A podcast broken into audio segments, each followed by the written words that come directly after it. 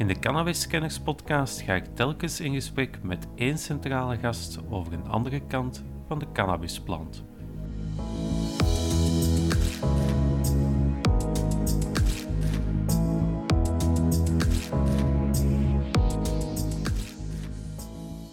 En die politieke raad heeft het standpunt rond cannabis, het geactualiseerde standpunt rond cannabis, hebben zij bevestigd. En op die manier is dat ook klaar en zal dat in het, eh, najaar meegenomen worden in ons verkiezingsprogramma van 2024. Ik denk wel dat, wat ons betreft, dat dat mee in de onderhandelingsfiches zit, waarmee dat wij naar de onderhandelingstafel trekken als wij gevraagd worden.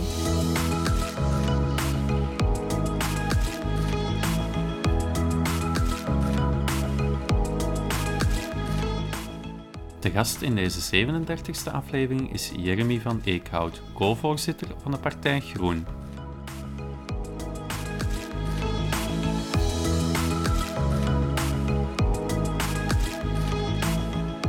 De politiek, de media. Overal horen we dissonante stemmen over het gebruik van cannabis. Tijd om de plant onder een ander licht te houden. Welkom bij Cannabiskenners. Goedemiddag, uh, Jeremy van Eekhout. Uh, bedankt dat ik uh, de gast mag zijn vandaag in het Vlaams parlement. veel mensen gaan u al wel kennen, maar ik zou toch nog zeggen, stel nog maar eens heel kort voor. Ja, ik ben Jeremy van Eekhout, Vlaams parlementslid en sinds vorig jaar ook co-voorzitter van de, van de Partij Groen. Dus ik volg in, de in het Vlaams parlement vooral de commissie Welzijn en Gezondheidszorg op. Dus in dat opzicht ook wel iemand die veel met onder andere de thematiek rond drugs bezig is. Ja, ja oké. je zegt co-voorzitter is niet zo'n evident gegeven. Meestal is er één partijvoorzitter, maar jullie zijn met twee, hè? Ja, dat klopt. Uh, wij, ik doe dat samen met Nadia Nagy en ik doe dat ook heel graag samen met haar. Ja. Uh, we hebben er eigenlijk bewust voor gekozen vorig jaar toen we ons kandidaat stelden om een stukje te gaan zoeken naar nieuwe vormen van leiderschap, waarbij mm dat we ook zeggen, ook in de politiek is het niet meer van deze tijd dat er haantjes rondlopen die, uh, die alles op ieder moment van de dag over elk thema goed weten. En dus in dat opzicht is het voor ons een bewuste keuze om voor gedeeld leiderschap te gaan. Oké, en dat gedeeld leiderschap, moet ik me dat dan voorstellen dat jullie ook de thema's onderling verdelen. Hè? Dat jij zegt van oké, ik zet mij in voor volksgezondheid bijvoorbeeld en zij misschien rond migratie, ik zeg maar iets. Of, of... Ja, dat klopt. Nu, op grote lijnen volgen we natuurlijk wel alle thema's op. Ja, ik kan niet zeggen als er iemand de mening van Groen vraagt op een bepaald moment rond een thema die ik niet helemaal in detail opvolg, kan ik natuurlijk niet aangeven. Ja, wij hebben daar geen idee over of ik zal er nog een keer over nadenken. Maar we hebben wel alle twee onze, onze specialiteiten, een stuk waar dat we in de diepte ons wel meer in inwerken. Uh, en dat zit bijvoorbeeld inderdaad alles rond gezondheid zit bij mij, alles bij armoede, rond armoedebestrijding bijvoorbeeld zit dan eerder bij Nadia. Ah, oké. En vandaag dus de keuze voor jou, voor dit ja, interview. Ja, je bent veroordeeld tot mij uh, door die themakeuze. nee, nee, geen enkel probleem, absoluut niet. Um, om, om onmiddellijk naar het, uh, het thema over te gaan, hè, het drugbeleid in het algemeen en specifiek het cannabisbeleid. Het is een hot topic, mag ik wel zeggen. Vandaag was er trouwens ook nog een, uh, een overleg um, van de verschillende ministers uh, rond dit thema om specifiek de criminaliteit aan te pakken. Um, wat is eigenlijk het standpunt van Groen rond, rond laten we zeggen, die hedendaagse problematiek rond Antwerpen, het, het drugsgeweld daar? Ja, um, we kijken er eh, op, op, een wat specifieke manier naar, in die zin dat het mij wat... Allez, het komt nu ook op die manier dus aan bod, nu al bij de inleiding van, van de podcast ook, dat we naar drugs te vaak of alleen maar kijken vanuit een soort veiligheids- of criminaliteitsblik, terwijl dat onze hoofdinsteek in deze vooral eh, gezondheid en welzijn is. En dat dat eigenlijk de basisinsteek zou moeten zijn waarmee we naar de drugsproblematiek zelf kijken. Als het gaat over criminaliteit en internationale criminaliteit, dan, uh, ja, dan moet je eigenlijk de hele veiligheidsketen in ogenschouw nemen. En dan gaat het dus over een heel perspectief van op welke manier staat politie daarin, ook grenscontrole, uh, justitie. Maar voor ons ook heel erg belangrijk om te kijken naar alles wat daarvoor komt. Preventie, jeugdwerk, hoe zorg je dat jonge mensen zich niet verleid voelen om in dat soort criminele circuits in te stappen. Dus je hebt een hele brede ketenkijk nodig op die drugsproblematiek in de brede zin van het woord. Maar als het gaat over drugsgebruik zelf, dan kijken wij vooral daarnaar als een gezondheids- of een welzijnsthema. Ja. Kan ik dan tussen de lijnen lezen dat u het gevoel hebt dat een, de gezondheidsaspect wat ondergesneeuwd wordt door, door die Ja, ik denk zowel het gezondheidsaspect als het sociale aspect Ja. dat dat ondergesneeuwd raakt. Waarmee je mij niet hoort zeggen, dat wil ik er ook wel duidelijk bij zeggen, want anders word je in een totaal andere hoek geduwd. Ja. Dat justitie, politie, vervolging bij criminaliteit, bij, eh, bij internationale veiligheidsissues, Mhm. dat die niet belangrijk zouden zijn. Hè. Ik denk dat, we, dat het heel belangrijk is om daar een antwoord op te formuleren en ook te zorgen dat eh, allerlei eh, diensten eh, bemand zijn om dat ook te kunnen doen op een goede manier. Ja. Maar als je niet naar een aantal grondoorzaken op de rest van de zaak gaat kijken, dus niet naar preventie, niet naar gezondheidszorg, niet naar jeugdwerk bijvoorbeeld, die ook een heel belangrijk aspect is, en, en, en, en maatschappelijke ontwikkeling en begeleiding, ja, dan, dan mis je volgens mij de helft van het perspectief. En dus in de hedendaagse debatten, die vooral door grote schandalen of grote incidenten eh, beheerd worden of gedomineerd worden, ja, is dat aspect inderdaad vaak te weinig aanwezig. Ja, om daar dan onmiddellijk op in te gaan, het, het, het ehm, aspect waarbij minister van Quickenborne aanhaalt van oké, we, gaan, we gaan de boetes voor gebruikers verhogen, en dan gaat het specifiek over cocaïne, maar ook cannabisgebruikers krijgen nog te maken met, met boetes, met onmiddellijke, onmiddellijke schikkingen. Bent u daar dan voorstander van, om, om op die manier eh, de burger bewust te maken door ze te beboeten? Nee, ik sta er heel kritisch tegenover. Eén, omdat ik niet geloof dat het, eh, eh, dat, dat het antwoord is die we, gaan die wij moeten formuleren op de uitdagingen die er zijn. Twee, omdat ook experten zeggen dat het niet werkt. En dat je op die manier eigenlijk niet het gebruik ontraadt. Dat je één, een groep die het financieel moeilijk heeft, dat je in de problemen brengt. En dat je die dus nog minder kansen geeft om hulpverlening te zoeken om aan de slag te gaan. Twee, omdat er een groep van verbruikers die het misschien wel breed heeft, daar ook niet zal naar kijken en die kans daar niet voor zal eh, laten schieten om, om toch te gebruiken. Dus in dat opzicht ehm, denk ik dat dat echt een soort symboolmaatregel is, een stoere verklaring, maar die ten gronde eigenlijk geen antwoord biedt op de uitdagingen die er zijn. Ja. Eh, eerdere gasten haalden het ook al aan als het dan gaat over ja, die beboeting. Zij, zij zeggen. ehm, er zit ook een, een, een discriminerend aspect aan. Hè? Ik, ik haal een, misschien een absurd voorbeeld aan. De blanke jongen in, zeg maar iets Braschaat, die in zijn grote tuin een jointje rookt, heeft veel minder kans om beboet te worden dan een allochtone jongere die enkel in een sociaal appartement woont, zonder terras, dus eigenlijk verplicht is om het in het openbaar te doen. Ja, absoluut. En dat maakt het ook fundamenteel een oneerlijke maatregel, eh, die, die dus ook niet zal werken, omdat je de meest kwetsbaren eigenlijk nog extra, extra in de problemen duwt. En eh, dat heeft nog niemand geholpen. U verwees al naar experten. Hè? Eh, een, een, een geluid dat je vaker hoort in, in dat debat is de stem van experten. Spreek ik over criminologen, toxicologen, eh, verslavingsexperten die ik ook al heb geïnterviewd. Hè? Ik, ik noem enkele mensen, Tino Ruiters van, van Free Clinic, ehm, Frederik van der Stuit van, van De Sleutel. Ehm, die, die geven een ander signaal of een ander, stel, staan voor een ander beleid dan waar de politiek voor staat. Hoe, hoe komt het, denkt u, dat, dat de visie van experten zo ver uiteen ligt bij dat van politici? Ik denk dat er een paar dingen zijn. Ik denk dat het één eh, soms heel makkelijk te herleiden valt tot eh goed klinkende politieke praat. Eh, dus in dat opzicht denk ik dat daardoor soms een verschil ontstaat tussen wat experten zeggen en wat politici graag vertellen, omdat het goed bekt. Eh, twee, ik denk ook dat er een reële afstand is eh, als het gaat over expertise. Dus dat, er, dat die experten eh, ja, heel veel, veel meer inzichten hebben dan politici, zelfs zij die met het thema bezig zijn, soms hebben. En drie, dat het ook soms gesplitste werelden zijn waar politici maar een deel voeling mee hebben. En dus in dat opzicht, die drie factoren verklaren voor mij waarom dat de uitgangspunten van het beleid en van politici vooral in verklaringen, dat die zo ver af liggen van wat eigenlijk al, en dat is niet een jaar, hè, wat die al als iets van wat een aantal elementen zijn die al decennia uit, experten naar voren komen om te gaan kijken van eh, hoe kunnen we een antwoord formuleren. Ja, dat, dat is eigenlijk onverklaarbaar, maar voor mij zijn dat dus de factoren die daarin meespelen, waarom dat politici na al die jaren nog altijd niet die experten meer volgen in het beleid. Ja, want als je bijvoorbeeld kijkt, ik, ik kijk maar een twee, drietal jaar terug naar de coronacrisis, dan waren het de experten en soms kregen ze kritiek dat ze te veel inspraak hadden. Wat maakt die crisis anders? Omdat ze urgenter was? Omdat ze... Absoluut. Ik denk dat daar ook een, veel een groter urgentie, urgentiegevoel bij politici was. En ook ik ga het nu plat omschrijven, als een, eh, een, een groter angstgevoel ook bij Ja. politici zelf, van we, we kennen dit niet, hoe moeten Ja. we dit beheren? En dus zoeken we maar naar mensen die ons kunnen gidsen daarin. Mhm. Je hebt ook gezien na een aantal maanden dat het statuut van die experten ook alweer veel meer in vraag gesteld werd. Ja. Ook. Ja, absoluut. absoluut.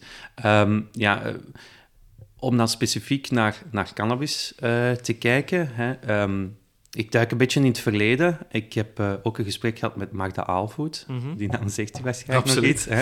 En Eh, uh, dat heel goed. Ja, een, een, een twintigtal jaar geleden was zij minister van Volksgezondheid. Ehm, en toen is er ehm, ja, eigenlijk, toen Agalev in de regering zat, beslist om de laagste prioriteit toe te kennen aan het persoonlijk bezit van cannabis. Hè, het, Mhm. een, een heel vage term. Hè? Wat is persoonlijk bezit en wat is laagste prioriteit? Hè? Ehm, die vaagheid heeft eigenlijk, denk ik, voor veel burgers voor onzekerheid gezorgd. Heel veel van die zaken zijn ook teruggedraaid, heb ik het gevoel. Hè? Als je kijkt naar Antwerpen, is een nul tolerantie naar cannabisbezit. Zorgt dit volgens u niet voor veel onzekerheid bij burgers? Want, Maar ik denk dat dat klopt. Ik denk dat dat... eh allee, ik ben, eh ben zelf volwassen geworden in de periode tweede, eh, in 2003. ja, ja, Ehm, nu, ik ben geen ervaringsdeskundige, Nee. maar ik, ik hoor het wel uit mijn eigen omgeving dat daar inderdaad wel een stuk onzekerheid rond was en is. Eh, nu, ik denk wel dat dat politiek het meest haalbare was op dat moment en dat dat de manier was om, om stappen vooruit te zetten. ook aangezien de internationale context. Hè, Voilà, toen absoluut, nog. ja. Ja, ja. Dus ik, ik denk in dit opzicht dat het, dat het zeker niet de ideale situatie is, Mhm. maar dat het in 2003 wel, of, of in die periode 99, 2003 wel, de keuze was om toch binnen het politieke draagvlak die er was, om een aantal stappen vooruit te zetten als het ging over het omgaan met cannabis en cannabisgebruik. Ja, oké. We, we leven nu twintig jaar later. Ehm, laten we eens kijken, nationaal is er veel veranderd. Hè. Er is heel veel verschoven in de politiek. Ik zei het al, ehm, partijen als bijvoorbeeld de NVA, hè, die, die, die pleiten voor een strikt eh, beleid, hè, dus een, een, een een verbodsbeleid. Hè. Je ziet het ook in de, in de invoering van de onmiddellijke middelijke schikkingen voor, voor drugsbezit. Een liberale partij als Open VLD gaat daar ook een stukje in, in, is daar ook een stukje in meegegaan. Ehm, maar als we internationaal kijken, zien we compleet omgekeerde beweging. Eh, hoe, hoe komt dat, denkt u? Ja, ik, eh, er is, ja eh, het blijft een, een moeilijk onderwerp waar er meningen in alle richtingen over gaan en waar het dus inderdaad een grote druk komt op, op, op de inzichten van experten. Dus ik, ja, het, het is voor mij moeilijk te verklaren, maar het is iets waar er een electoraal, ik zal het dan echt politiek bekijken, electoraal volgens mij een grote groep is in de samenleving die er helemaal geen voeling mee heeft en voor wie het blijft binnenkomen als een zeer gevaarlijk iets, als iets onzekers, als iets bedreigends. En dus heb je altijd politici die op, onder druk daarvan daarop inspelen en daar, daar een stuk mee aan de slag gaan. En dat is niet alleen in België zo, dat is, dat is veel breder zo. Ja, het buikgevoel eigenlijk. Absoluut. Ja, maar als je kijkt naar cannabis, er zijn een, een, een 300.000 Vlamingen die maandelijks cannabis gebruiken. Het is, het is geen verwaarloosbare groep op zich natuurlijk. Hè? Nee, absoluut niet. Maar dat is wel een groep waarvan die niet alle 300.000 aan 10 of 20 mensen uit hun omgeving, zeker niet aan groepen die verder afstaan van cannabisgebruik, Ja. transparant meegeven wat hun ervaringen daarmee zijn en hoe, hoe bepaalde zaken lopen. En dus in die zin blijft het, merk ik ook in mijn eigen omgeving, blijft het voor mensen die er absoluut geen voeling mee hebben, een heel bedreigende wereld. Ja, ja. Eh, hoe, hoe denkt u dat we dat debat kunnen opentrekken? Eerder maatschappelijk, hè? Want als we op televisie, enkele maanden geleden ging het debat daar heel hard over. Wat, wat zagen we vooral op televisie? Advocaten, politici, politiemensen. Maar niet zozeer preventiewerkers, zelfs gebruikers van, van drugs worden totaal niet bij het, het thema betrokken. Hoe, hoe denkt u dat we dat toch maatschappelijk breder kunnen trekken, het, het Ja, thema? maar je geeft het in je vraag al een stuk aan. Hè. Ik denk dat dat het allerbelangrijkste is van hoe voer je een breder gesprek over cannabis. Ja, En dus hoe ga je inderdaad, het, eh, breng je, maak je zichtbaar in de samenleving, wie zijn gebruikers, waarom gebruiken mensen dat, eh, wa- wa- wat zeggen experten daarover, ook wat zijn de gezondheids- en welzijnsaspecten, want dat, ik heb dat net al gezegd, dat is voor ons de basisinsteek. ja, En in die zin is daarnet de vergelijking met corona is in die zin treffend, omdat je ook daar gezien hebt, een aantal experten die komen heel erg in beeld, zij die de, de crisis op korte termijn moeten beheren, maar naar alle andere zijaspecten die daar rond leven, eh, wordt er veel minder in, in, in beeld gebracht. En ik denk dat dit, dat voor ons dat het meest fundamenteel is om, als je genuanceerd debat wil rond cannabis, dan Ja. moet je ook een, een breedheid gaan aan ervaringen en inzichten rond die tafel aanbrengen. En eh, ja, het is vaak één in contexten van incidenten, van problematieken, Ja. dat er eh, gesprek over gevoerd wordt, terwijl dat eh, een, een sereen gesprek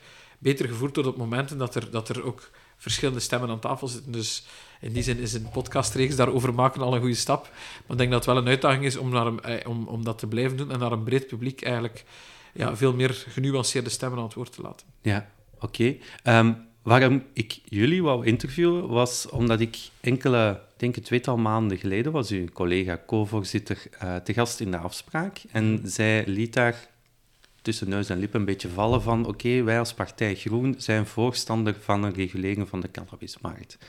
Eh, in de voorbije twintig jaar heb ik het gevoel dat de partij daar niet zo echt een heel duidelijk standpunt in innam. Van waar komt dit dan nu ineens? Van waar eh, toch die, die, die, dat pleiten voor een regulering van de markt? Hoe is dat tot stand gekomen? allee, ik denk dat er, dat er de voorbije twintig jaar geen taboe geweest is daar rond, maar dat Ja. er inderdaad ook niet de grote focus is op gelegd. Eh, Mhm. ik, ik denk wel dat de tijd rijp was bij ons intern om daar een steviger debat over te hebben dan de voorbije twintig jaar. Onder andere onze jong groenen hebben daar eh, enorm op geduwd, maar eigenlijk ook onze groene senioren hebben geduwd van laat ons twintig jaar later, bij wijze van spreken, een keer nadenken van waar staan we nu als het gaat over omgaan als beleid met cannabis en welke stappen moeten daar nog gezet worden. En daar is een heel traject in gelopen met een soort intern debat waar we erop uitgekomen zijn dat we inderdaad pleiten voor aan de ene kant een legalisering eh, van cannabis, maar dan aan de andere kant ook wel een sterke inzet op regulering van die markt, op, eh, op een eh, goede hulpverlening, op preventie. Om de- en om dus inderdaad echt, wat eigenlijk experten al jaren zeggen, die thematiek veel meer te gaan bekijken als een gezondheids- en welzijnsthematiek, eerder dan een criminaliteitsproblematiek. Ja, want ik heb bijvoorbeeld minister Van den Broeke zeer weinig horen zeggen de afgelopen maanden in beeld horen komen rond dat thema. Is toch minister van Volksgezondheid? is toch ook een... Ja, absoluut. En je hoort wel andere mensen van vooruit hoor je daar wel verklaringen Ja. over doen. Maar hem... Breder dan cannabis zelf, maar Ja. inderdaad, minister Van den Broeke niet. Ehm, ja, ik veronderstel dat ze het zelf daar ook nog niet... eh, Op een bepaald moment is er ook het congres geweest van de socialisten, Ja, waarbij de jong-socialisten... eh, die 2014 denk ik. Absoluut, maar daarna is dat ook snel begraven, is dat nooit, nooit meer eh, actief mee naar buiten gebracht. Mhm. Terwijl ik denk, eh, dat, er zijn uiteraard zeer veel uitdagingen in de samenleving, maar als het gaat over cannabisgebruik, eh, dan, dan is dat wel iets belangrijks, omdat we weten enerzijds dat het een realiteit is, twee, dat je daar ook op een, op een ja, eh, science-based manier moet mee omgaan, en drie, dat daar ook wel, eh, dat is ook de realiteit, eh, veel welzijns- en gezondheidsaspecten aan die echt opgenomen moeten worden. En ik zit zelf dus in de commissie welzijn. Ja. het aantal vragen die ik hier al gesteld heb over wachtlijsten en hulpverlening bij Ja. verslaving bijvoorbeeld. Ongelooflijk, Ja, hè? je De geestelijke gezondheidszorg is... Absoluut. En je kan niet zeggen aan de ene kant van oei oei, we moeten eh, problematisch cannabisgebruik, moeten we echt een antwoord op formuleren en dan alleen maar gaan naar de pistes van eh, verbod en bestraffing als je eigenlijk al weet dat dat ook niet werkt. Maar dan aan de andere kant zorgen dat die wachtlijsten dramatisch lang zijn en dat iemand die zegt op een bepaald moment ik stel vast dat ik een probleem heb en ik wil er iets aan doen, dat die persoon het signaal krijgt, ja, kom binnen acht maanden nog een keer terug Ja. voor de hulpverlening. Ja, ja. U haalde het zelf al aan, de socialisten, 2014, hebben ze het opgenomen, ehm, denk toen in het verkiezingsprogramma, en het staat nu ook in het partijprogramma dat ze een regulering willen. Ehm, ik had ook al een interview met Maxime Vijs van eh, vooruit rond dat thema. Ehm, maar u zegt zelf, het is vrij snel ver- verwaterd. Hè? De Open VLD heeft zich nu ook uitgesproken in een ledencongres voor een regulering. Bestaat nu de kans weer niet dat het weer zal verwateren? Maar hè? bij, Want Open, dat is... ja, bij Open VLD zie je dat al een stuk. hè. Ja, Op basis inderdaad. van de actualiteit wordt dan plots gezegd, ja, maar we menen dat eigenlijk niet zo ernstig, dat, dat, eh, dat standpunt. Ja. Dat zal bij ons niet gebeuren. Voor alle duidelijkheid, we hebben een standpunt als het gaat over cannabis. Hè. Dus eh, er een ander debat is, is, is nog hard terug. Ja, ja, dat is een waar wij vooral dat debat inderdaad rustig willen voeren, Mhm. ook, ook Europees, want ik denk dat daar allee, veel meer speelt dan, eh, en dat daar een aantal aspecten nog sch- scherper zich stellen. Maar als het gaat over cannabisgebruik, ja, dan is dat voor, bij ons een formeel standpunt en we gaan dat niet begraven natuurlijk. Hè. Dus wij gaan, daar, wij gaan daar actief mee aan de slag. Eh, en dat zit eh, een stuk in wat er federaal moet gebeuren, maar voor mij hier als eh, Vlaams parlement zit hoofdfocus ook echt van preventie en hulpverlening om daar eerst de nodige stappen te zetten en dan om, om op die manier eigenlijk het juiste antwoord te formuleren. Oké, daar houd ik u aan. maar maar het- u geeft het zelf al aan. Hè. Er is ook een, een tweespalt eigenlijk tussen de preventie, hulpverlening is op Vlaams niveau. Hè. Als het dan gaat over het ruimere drugsbeleid, is het dan federaal niveau. Werkt dat niet contra, kan dat niet contraproductief werken? Ja, maar dat kan altijd, en dat is de tragiek van ons land een beetje. Ja. Dat leidt ons veel breder dan dit thema, maar Ja. dat- we hebben rond al dat soort aspecten, eh, over alles wat gaat over middelengebruik, over verslaving, en bijvoorbeeld gokverslaving ook, de gokregelgeving die zit federaal, Mhm. Eh, maar als het gaat over verslavingshulp, zit dat ook eh, Vlaams. Als het gaat over preventie, als het gaat over media eh, die daar een rol in spelen, dat zit ook allemaal Vlaams. Dus in die zin, alles wat met het risico op verslaving of problematisch gebruik speelt, zit ge- ge- gekneld tussen die twee beleidsniveaus. Ja. Maar ik wil niet, nooit meegaan in de soort cynische politiek van ja, we doen het, eh, we doen het Vlaams niet omdat de voordelen ervan voor federaal zijn of omgekeerd. Allee, ik ga ervan uit dat als het gaat over gezondheid van mensen, dat dat een- ons allemaal bindt over beleidsniveaus heen. Helaas bewijst de realiteit soms iets anders. Maar wat ons betreft moet dat beleid gewoon op elkaar afgestemd zijn. Hè. En kan je maar kan je Vlaams, eh, moet je Vlaams inspanningen doen om federaal ook stappen te kunnen zetten en omgekeerd. Ja, want om nu bij het voorbeeld van cannabis te blijven, ja, als, je, als je een beleid uitstippelt, hè, je maakt een regelgeving, dan heb ik het concreet over bijvoorbeeld leeftijden, locaties, dan moet je toch een soort van overleg hebben met de preventie en de hulpverlening. Hoe kunnen we dit het beste implementeren, zodat dat ook centraal staat, die hulpverlening en die preventie?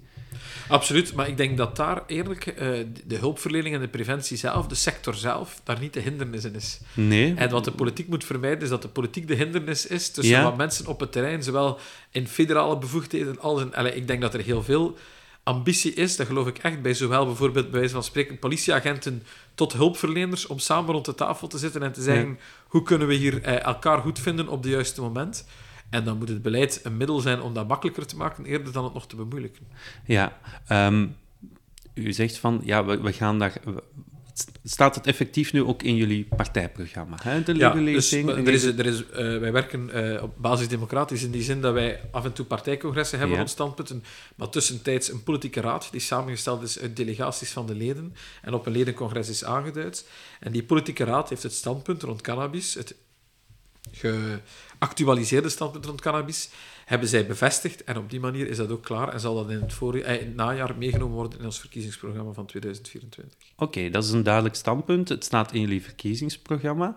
Ehm, dat is één idee. Hè. We denken aan de Socialisten 2014. Zij hebben dat toen ook in hun verkiezingsprogramma gezet.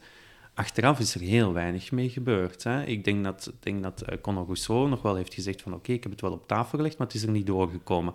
Bestaat die angst nu ook niet, richting 2024? En dan vooral in, in, in, het, in het achterhoofd te houden dat ons buurland, ons groot buurland Duitsland wel stappen zet. We, we komen natuurlijk op een gegeven moment, worden we wel omringd met landen die bepaalde stappen hebben gezet. Denk aan Nederland, Luxemburg, Duitsland. De grens om te bewaken wordt wel heel groot op die manier. Absoluut. En dat is misschien een van de redenen waarom dat we niet zomaar moeten denken dat het begraven zal worden in de regeringsvorming.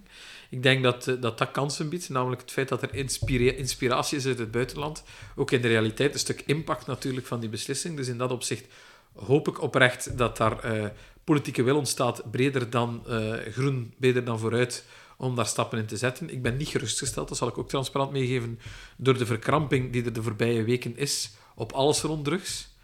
Eh, maar ik denk wel dat, voor wat ons betreft, dat dat mee in de onderhandelingsfiches zit, waarmee dat wij naar de onderhandelingstafel trekken als wij gevraagd worden. Ja. Vooral duidelijkheid, ook wel gecombineerd met een even stevige onderhandelingsfiche op Vlaams niveau over hulpverlening, Ja, over eh, preventie, over sensibilisering, ook op, eh, op jongere leeftijd, om, om dingen bespreekbaar te maken, om het, eh, het gebruik, ook het experiment, experimenteren met gebruik, om dat niet in duistere hoekjes te duwen, maar om dat zeer bespreekbaar te maken en te kijken op welke manier we daar dat goed kunnen omringen. Om te zorgen dat, wat experten zeggen, van als je het, op een, eh, als je bespreekbaar maakt, als je inzet op sensibilisering, preventie en hulpverlening, dat dan ook alle eh, de problematisch gebruik, dat dat ook echt een stuk beantwoord kan worden. En dus het zal en-en zijn. Voor ons moet het ene wel passen in het andere. Eh, en we gaan dus daar alles, van, alles op alles stellen om in de volgende regeringen daar stappen in te zetten. Ja. U haalt zelf aan, ik ben een beetje beangstigd door de verkrampte houding van de laatste weken. Wat bedoelt u daarmee? Bedoelt u dan, hebt u het dan over bepaalde partijen die, die geen duidelijk standpunt innemen of, of bepaalde uitspraken doen? Ja, en ik ga vermijden wat ik anderen verwij- verwijt, van alles op een hoopje te gooien. Maar de realiteit is wel dat door de incidenten die we zien in, eh, in Antwerpen bijvoorbeeld, dat er een dynamiek ontstaat bij anderen om één, oplossingen te gaan veinzen die niet bestaan. We gaan het leger inzetten en dat zal alles oplossen. Eh, maar twee, om dan ook ieder genuanceerd gesprek over een bepaald aspect in de drugsuitdaging in de brede zin, om dat allemaal op één hoop te gooien. En dus het aantal debatten hier in het parlement, maar ook in de Kamer aan de overkant van de straat, ehm, eh, waar, waarin dru- eh, softdrugs, cannabis op één hoop gegooid wordt met cocaïne, met heroïne en zo verder, ja, maakt een sereen gesprek wel zeer moeilijk. En ik merk dat dat niet alleen de extreme partijen zijn die eraan meedoen, maar dat er ook gewoon centrumpartijen zijn, traditionele partijen, die ook alles op een hoopje gooien om toch maar wat populaire praat te verkopen. En, en eigenlijk het debat over legalisering, decriminalisering van, eh, van cannabisgebruik, die dat vermengen met het debat over eh, hoe gaan we de cocaïneproblematiek in Antwerpen en de, en de internationale criminaliteit in dat milieu, hoe gaan we dat aanpakken? En dat bezorgt mij, omdat je daarmee ook het gesprek in een volgende coalitie over hoe gaan we om met cannabis eigenlijk bijna onmogelijk maakt. Ja, want als het op één hoop wordt gegooid, dan wordt het moeilijk. Hè? Ook, ook het voorbeeld van Nederland wordt, merk ik ook heel vaak in de Vlaamse politiek aangehaald als van kijk hoe, hoe, hoe het daar uit de hand gelopen is. Maar dan, dan, dan ontbreekt de nuance dat er in Nederland een gedoogbeleid is. Dat is, dat is toch helemaal iets anders dan een legalisering. Hè? Ja, je, kan, je kan iets kopen, maar je mag het niet produceren en je mag het niet vervoeren. Voilà. Dat is- Dat is ook een van de redenen waarom wij, eh, dat is geen per se ideologisch standpunt, hè, maar dat is een zeer rationeel standpunt waarom wij voor een legalisering zijn. Omdat je dan ook meteen kunt de markt ook reguleren. En dat je dan ook eh, naar kwaliteit, naar eh, verkooppunten en zo verder Ja. de nodige stappen kunt zetten om dat op een zeer transparante, veilige en gecontroleerde manier te doen. En dan meteen ook de link kunt maken met hulpverlening, met problematisch gebruik enzovoort en zo verder, met het controleren van de kwaliteit van uw product. Dus in dat opzicht is dat inderdaad een, een stukje een ander debat dan wat er in Nederland gebeurd is. Maar alles op een hoopje gooien, daar zijn we helaas. Ik zeg Ja. het met een kleine glimlach, maar daar zijn we helaas te goed in als politiek. Ja, want dat is het, het, het is een, een, een fout voorbeeld dat wordt aangehaald in Nederland. Het- ja, daar wou men eigenlijk begin jaren 80 verder gaan en legaliseren, maar aangezien dat er dan een rechtse regering gekomen is, is dat bij een falend gedoogbeleid gekomen, gebleven. En ja, dan, dan, dan zie je de gevolgen na 40 jaar, hè, wat er dan resultaat is. Hè. Absoluut. Mensen, rijke criminelen die dan overgaan in de kookhandel.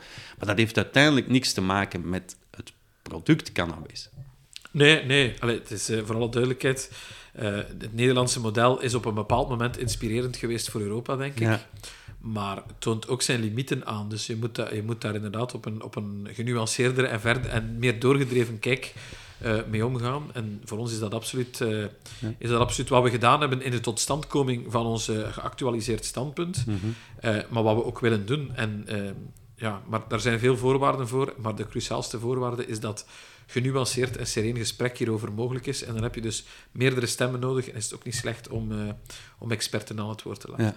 Gebruikers ook? Bent u van overtuigd dat u consumenten ook aan het woord moet laten in dat debat? Want die worden natuurlijk redelijk snel weggezet als van... Ja, je je wilt gewoon je eigen gebruik legaal maken. Punt. Ja, maar goed, eh, dat gaat in, in iedere eh, uitdaging die er is, moeten alle betrokkenen aan het woord komen. Dus in eerste plaats denk ik dat gebruikers hierin betrokken moeten worden. Daarmee zeg ik niet dat dat gewoon betekent dat je blind de vraag van een individuele gebruiker volgt Nee, nee, over wat er moet gebeuren. Maar als je het perspectief van een gebruiker niet meeneemt in het uittekenen van het beleid, dan, is, dan zal dat altijd slecht beleid zijn.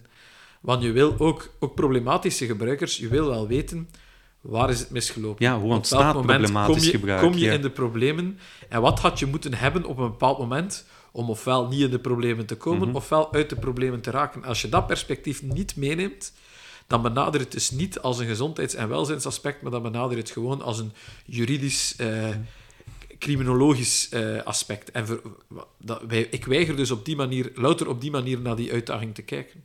Ja, u, spreekt over inderdaad cannabis, een regulering van de markt. Andere middelen, hè, bijvoorbeeld ecstasy, speed, cocaïne, ik noem er een enkele op.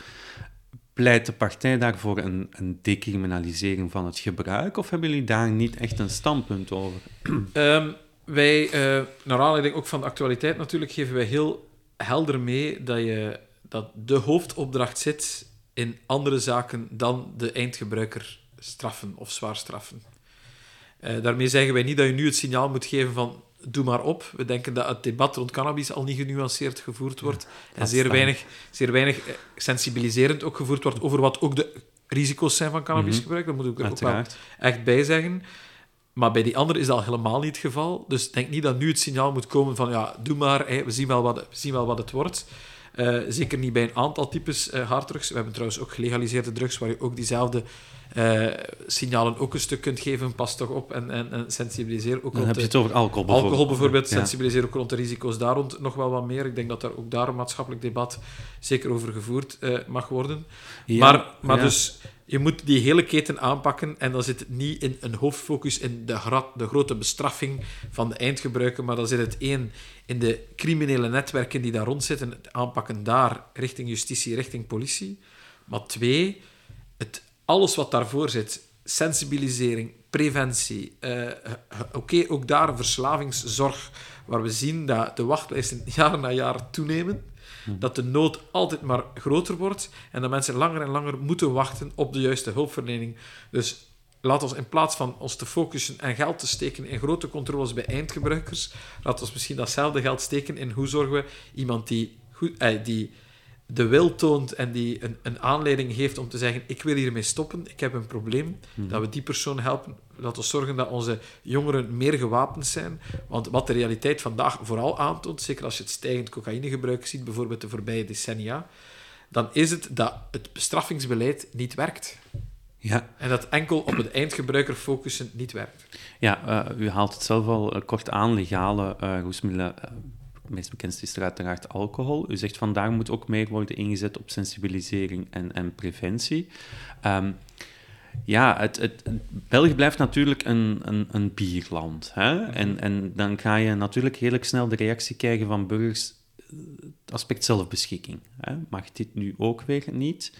Ja, als het gaat over alcohol, je hoort mij niet zeggen vandaag van uh, wij, moeten, wij moeten naar een verbod gaan op alcohol. Allee, we, hebben, we hebben een aantal basisregels over in welke situaties we geen alcohol gebruiken of uh, maar gelimiteerd toelaten. Ik denk dat een, bijvoorbeeld een, een absoluut alcoholverbod in het verkeer is iets waar ik mij wel helemaal uh, kan in vinden. Mhm. maar ehm, voor mij is er is er wel een debat nodig of een gesprek nodig over de plek van alcohol in de samenleving. En dat betekent niet dat België als bierland onder druk moet komen. Ik denk dat daar absoluut redenen zijn om, om, om, die, om dat cultureel erfgoed en om, de, om ook de, de, de aantrekkelijke aspecten die er aan bier zijn, om die een plaats te geven.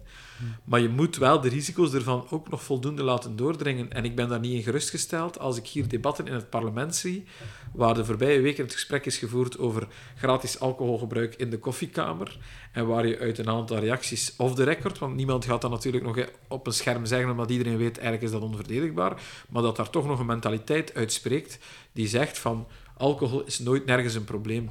En daar vind ik echt dat we nog werk hebben om dat gesprek te voeren richting hulpverlening, richting preventie en sensibilisering over ook daar, hoe kunnen we sneller uh, mensen uh, laten uh, inzien van ik heb, een, ik heb een uitdaging of een probleem met alcoholgebruik en ik ga daarmee aan de slag. Ja, u haalde het daar straks zelf al heel kort aan, het, het verbod op gokreclame. Mm Is de partij ook een voorstander van een verbod bijvoorbeeld op alcoholreclame? Maar ik denk dat, we, uh, dat dat zeker bespreekbaar is voor ons. Ja. Als je, allee, je kan niet uh, zeggen we moeten sensibiliseren en we moeten mensen ook laten zien dat er uitdagingen aan zijn. Als je dan, uh, als je dan grenzeloos reclame voor alcohol laat maken. Mm -hmm. Ik ga niet zeggen dat ik me persoonlijk stoor aan, aan dat soort reclames. Soms zijn die, zijn die grappig of zijn die, stralen die een bepaalde amicale sfeer uit. Ik heb er ook geen probleem mee. Ik ben zelf jaren jeugdwerker geweest. Ik heb in studentenkringen gezeten en zo verder. Dus ik, ik, ik heb altijd ook genoten van mensen die genoten van alcohol. Ja. Maar dat we moeten door experten laten bekijken wat is de impact van alcoholreclame op het gebruik van alcohol en het, de, de, de drempel om problematisch alcoholgebruik uh, te betonen. Welke impact heeft de reclame daarop? Lijkt me wel belangrijk om daar tenminste het gesprek over te voeren. Ja, ja oké. Ehm, ja, alcohol is inderdaad heel, heel verweven in onze maatschappij. Denkt u dat de lobby daar ook een grote rol in speelt? De ja. alcohollobby? Ja, maar dat is in die zin niet uniek, dus ik verwijt dat niet per se aan nee, de alcohollobby. Nee, veel lobby's. Ja, iedere, iedere economische sector heeft zijn lobby. En dat is per se ook het, het recht van een economische sector om een, mm. om een stukje te proberen de, de belangen en de economische uh, aspecten die daarmee spelen, om die zichtbaar te maken. Het is alleen aan beleid om die informatie niet zomaar mee, uh, over te nemen, maar om daar kritisch mee om te gaan en te kijken als samenleving in zijn geheel als democratie? Hoe kijken wij daarnaar? En op welke manier zorgen we dat die economische zaken dat die hun juiste plek krijgen, maar dat die niet de gezondheid en het welzijn van mensen in gevaar brengen. Ja, uh, ik, ga, een citaat aanhalen van, van uh, Bart Wever um, over, over uh, cannabis en dergelijke. Hij zegt, en het is een verlabelijk, hij zegt... Um, we hebben al zoveel problemen met alcohol, moeten we daar nu nog cannabis bij nemen? Wat, wat vindt u van een dergelijke uitspraak? Ja, maar de realiteit wijst uit dat we en problemen hebben vandaag met alcohol, maar dat we ook problemen hebben met cannabis, ook problemen hebben met cocaïne. Dus dat het model van het debat over legalisering eh, is een ander debat dan het debat over de criminele aspecten die daarmee samenhangen. Dus je hebt enerzijds de criminele aspecten, die moet je ten dele aanpakken. Mm die moet je aanpakken. Ja. Je, hebt het, je hebt het gedeelte over gezondheid en welzijn. Daar zijn inderdaad bij alcohol-issues en daar zijn bij cannabis-issues. Je kan alleen vaststellen, het ene is legaal, het andere is niet legaal. En de beide hebben uitdagingen. Dus als je hulpverlening bespreekbaar wilt maken, dan moet je dat één hebben, doen door het, door het thema gewoon bespreekbaarder te maken. Mhm. En mensen ook de drempel naar hulpverlening te laten uh, te verlagen. Maar aan de andere kant ook door te zorgen dat je niet door, eh, door dingen illegaal te maken mensen in een soort verdomhoekje duwt. Waar ze, Stigmatiseren. Ja, waar eigenlijk. ze moeilijker uit kunnen komen op het moment dat het misloopt. Ja. Want het illegaal houden van cannabis heeft er de voorbije decennia niet voor gezorgd dat er geen cannabis gebruikt is. Nee, kijk naar Nederland, hè, daar is dat 40 jaar legaal en het staat nog altijd in de middenmoot qua gebruik van net, cannabis. zoals, net zoals ons, waar we Europees relatief in de middenmoot zitten Ja. als het gaat over ooit gebruikt. Ja, en Frankrijk voert een streng beleid en ze staan bovenaan in Europa. Voilà. Dus, in, dus dat is de illusie die we moeten doorprikken van ja, we hebben eh, geen probleem met cannabis, eh, want het is illegaal. Eh, er, zijn één, er zijn problemen met, met problematisch cannabisgebruik, maar de, het illegaal houden daarvan of niet, heeft dat duidelijk niet verholpen. En als experten ons dan komen vertellen van kijk, je moet de stap naar hulpverlening lager maken, Ja. door net te zeggen tegen die mensen, kijk, niet uw gebruik is problematisch, eh, niet uw gebruik is, is onwettig, dus we gaan u bestraffen. Maar nee, zet de stap en durf aankloppen om hulp. Ja. Ja, dan vind ik dat we dat gewoon moeten doen, anders laten wij ook gewoon mensen in de steek. Ehm, we, spreken, we- zien het, het bekendste voorbeeld is, we hebben het heel veel aan u al gehad over alcohol, is het bekendste voorbeeld van een legaal roesmiddel. Hè, en anderzijds heb je de illegale middelen. Als je kijkt naar cannabis, hoe zou voor jullie een, een, een regulering en een legalisering er het best vorm krijgen? Kijkend naar andere middelen, wat we daaruit kunnen leren. Praktisch, wat, wat, wat ziet u als minimumvereisten of minimumregels om het te kunnen le- Ja, reguleren? Ik denk dat je moet naar een stuk gerichte verkooppunten gaan, waarbij dat je niet zegt, we gaan nu in iedere supermarkt eh, of in iedere, op iedere hoek van de straat kan je, kan je cannabis kopen. Die fout Dus- hebben we dus gemaakt misschien met alcohol. dan. Voilà, dus je moet naar een gecontroleerde omgeving gaan. eh, niet alleen omdat dat eh, een stukje afstand creëert, waardoor dat de drempel ook niet te laag wordt. En dat je Mhm. dus even wel moet reflecteren of voor, voor je die stap zet. Ja. Niet bij je eerste gebruik alleen, maar ook bij systematisch gebruik. Ja. Eh, twee, eh, ik denk dat het belangrijk is om kwaliteit van producten te controleren. En dus ook, dat kan ook makkelijker via een gecontroleerd circuit van verkoop. Mhm. En waar je nu eh, één ziet, de THC-waarde bijvoorbeeld, dat die stelselmatig te- toegenomen is de voorbije decennia. En dat je dus nu ook een, een debat voert over een product die op een aantal gebieden wel echt anders is dan, Ja. dan 20 of 30 jaar geleden. Nu, ik, ga daar eventjes op inpikken. Het is inderdaad een, een, een argument dat heel vaak wordt aangehaald, hè, de THC-gehaltes. Maar kijken we naar de voorbije 20 jaar, dan blijft het THC-gehalte altijd wel hangen rond de 14, 15 procent. Eh, kijk je naar het Trimbos Instituut in Nederland, die coffeeshops controleert of kijkt, eh, samples neemt.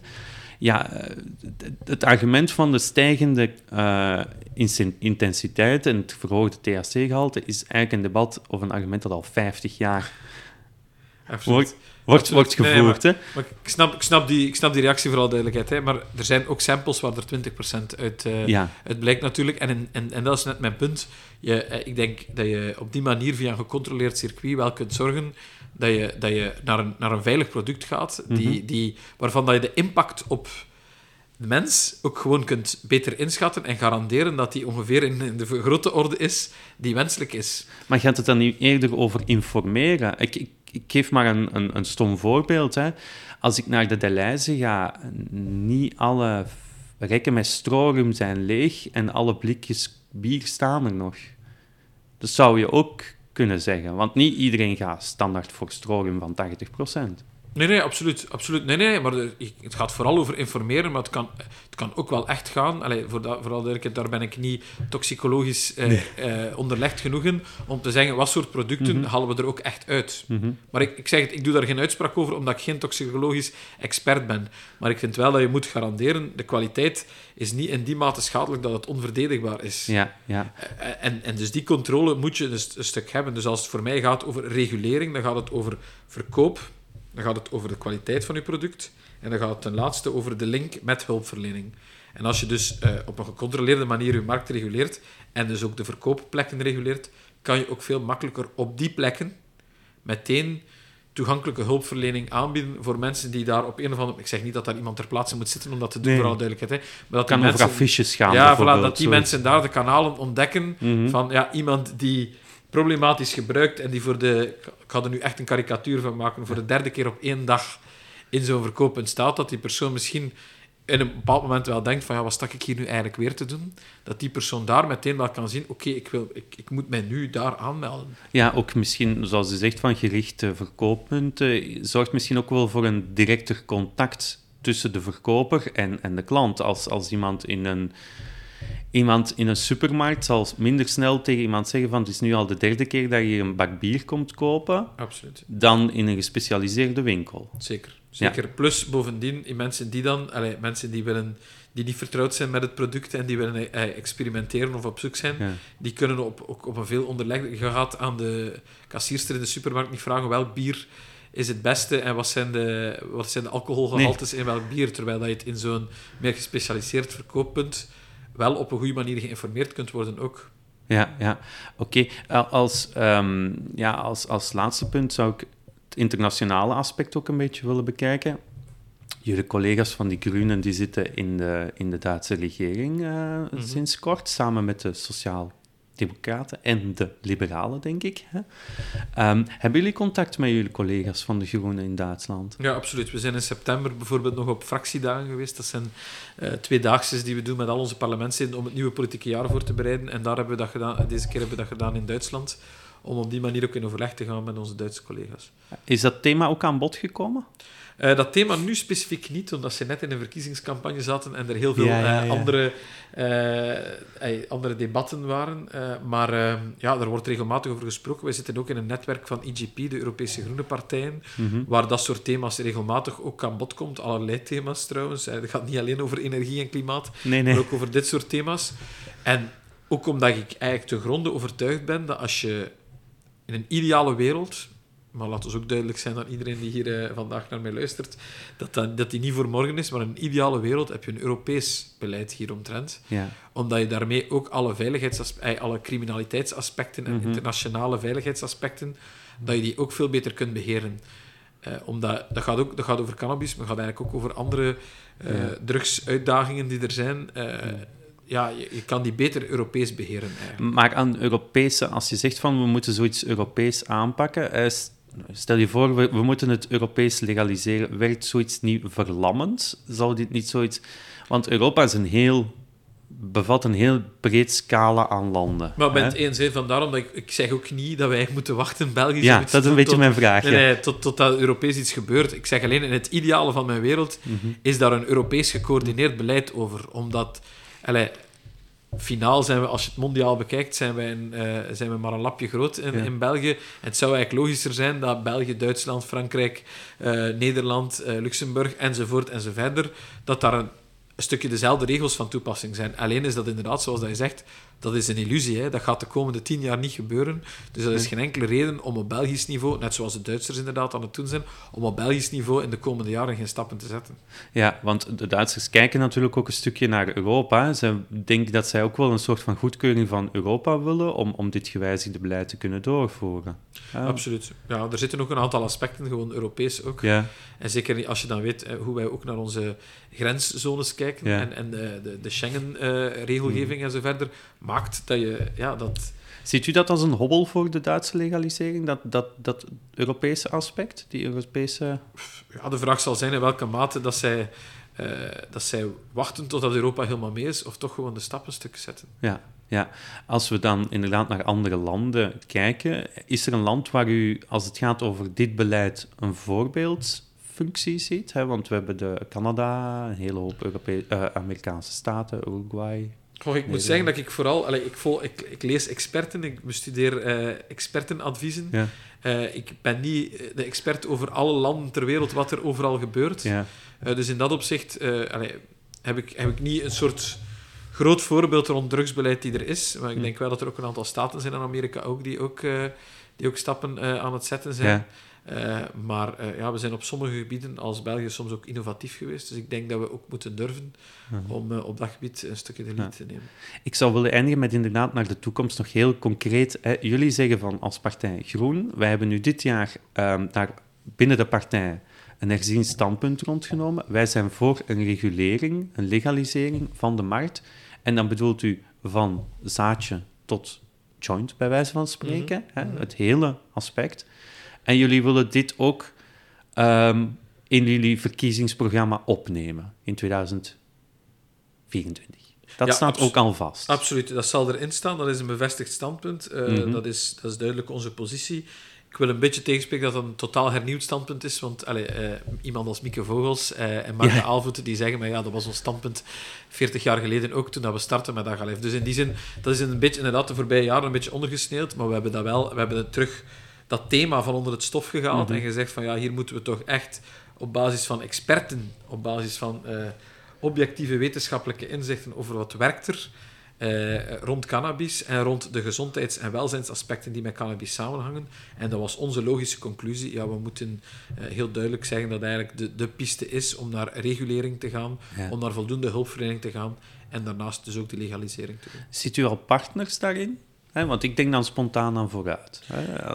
Daar zitten jullie op, rond dat thema zitten jullie toch vrij op dezelfde lijn. Ja, ik denk dat we met vooruit uh, elkaar kunnen vinden. Ik denk ook, ik had gewoon wel hoop, en ik, ga die hoop ook nog niet helemaal opbergen, dat we met de Open VLD ook wel, dat daar ook uh, mogelijkheden zouden zijn. De laatste weken hebben we mij wat minder gerustgesteld. Ja. Maar finaal, uh, als formele standpunten doen er ook nog toe, is daar ook wel meegegeven dat daar openheid rond was. Ja. En ik merk zelfs, maar dat is nu, ik ga het niet in hun mond, want ze gaan het niet graag hebben dat ik dat zeg, maar een stukje besef dat enkel de criminaliserende aanpak rond drugs niet werkt, dat zie je ook bij andere partijen. Ik zeg niet dat dat daarmee wil zeggen dat ze voor een legalisering zijn. Nee, ik denk dat u dan Eh, meer denkt aan een partij als CD&V bijvoorbeeld. Ja, ja. en eigenlijk zegt N-VA zelfs soms van ja, eh, ze gaan het nooit toegeven, want het is politiek te gevoelig, maar enkel bestraffend werken rond drugs blijkt niet te werken. Dus op een bepaald moment gaan die zelf ook gedwongen worden om daarna te denken, ja, wat kan er dan wel misschien werken? Op welke manier kunnen we wel zorgen dat de gezondheid en het welzijn voor hen dan, voor de Vlamingen of voor de Belgen, dat dat niet in het gedrang komt. Ja, ja oké. Um, ja, Vivaldi 2 bijvoorbeeld. Hè? er wordt eigenlijk al heel veel... Ik verbaas me er zelf over. Het lijkt vaak in de, in de media, en dan wil ik daar ook nog, omdat ik het nu zelf op, op kom, op de media, gaat, lijkt het precies of het zijn volgende week al verkiezingen. Ja, dus uh, ik, ik, irriteer me daar enorm aan. Kan ik me voorstellen. Het is nog er, meer dan een jaar. Ja, het is 2023 die Ja. op de kalender staat, uh, dus geen 2024. Uh, dus allee, wat ons betreft eh, is de voornaamste focus... Uiteraard zijn we ook een stuk bezig met ons voor te bereiden Ja. inhoudelijk over wat, wat zijn de komende tien jaar de volgende uitdagingen die we moeten aanpakken. Maar dat wil niet zeggen dat er niet nog stappen kunnen gebeuren. En al- ik zit zelf nu in het Vlaams parlement, maar ook federaal, want de teneur is op allebei de niveaus hetzelfde. Iedereen zit in campagnemodus. Terwijl bijvoorbeeld rond hulpverlening voor drugsverslaving, dat we daar nog stappen zouden kunnen zetten. Niets houdt ons tegen om daar extra in te investeren Ja. het, komende, het komende jaar nog. Ja, en hoe ziet u rond het drugsdebat, dat is ook een vraag die ik heel vaak aan mijn gasten stel, de rol van de media, hoe ziet u die? Hoe vindt u dat de media daar op een, op een goede manier, op een objectieve manier met dat thema omgaat? Goh, ik wil niet te voorspelbaar in de, in de positie belanden om te zeggen, oh, de media ze zijn weer niet mee en ze doen het verkeerd. Ik denk dat dat op sommige momenten echt op sommige plekken best meevalt.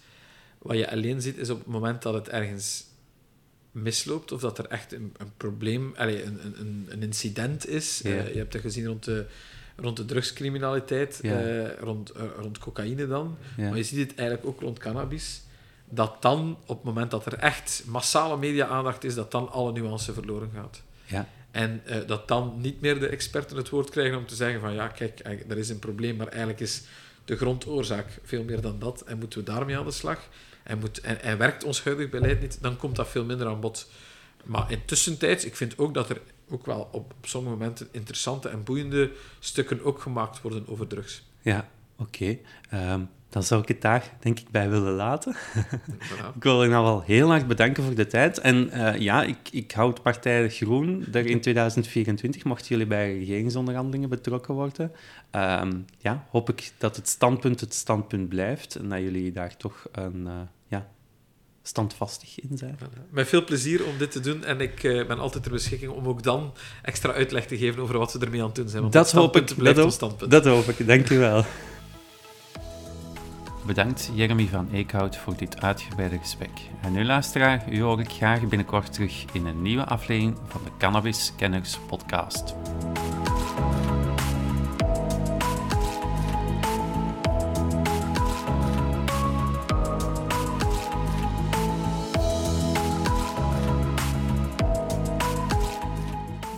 Podcasts ga naar www.cannabiskenners.be of voeg Cannabiskenners toe in je favoriete podcast-app.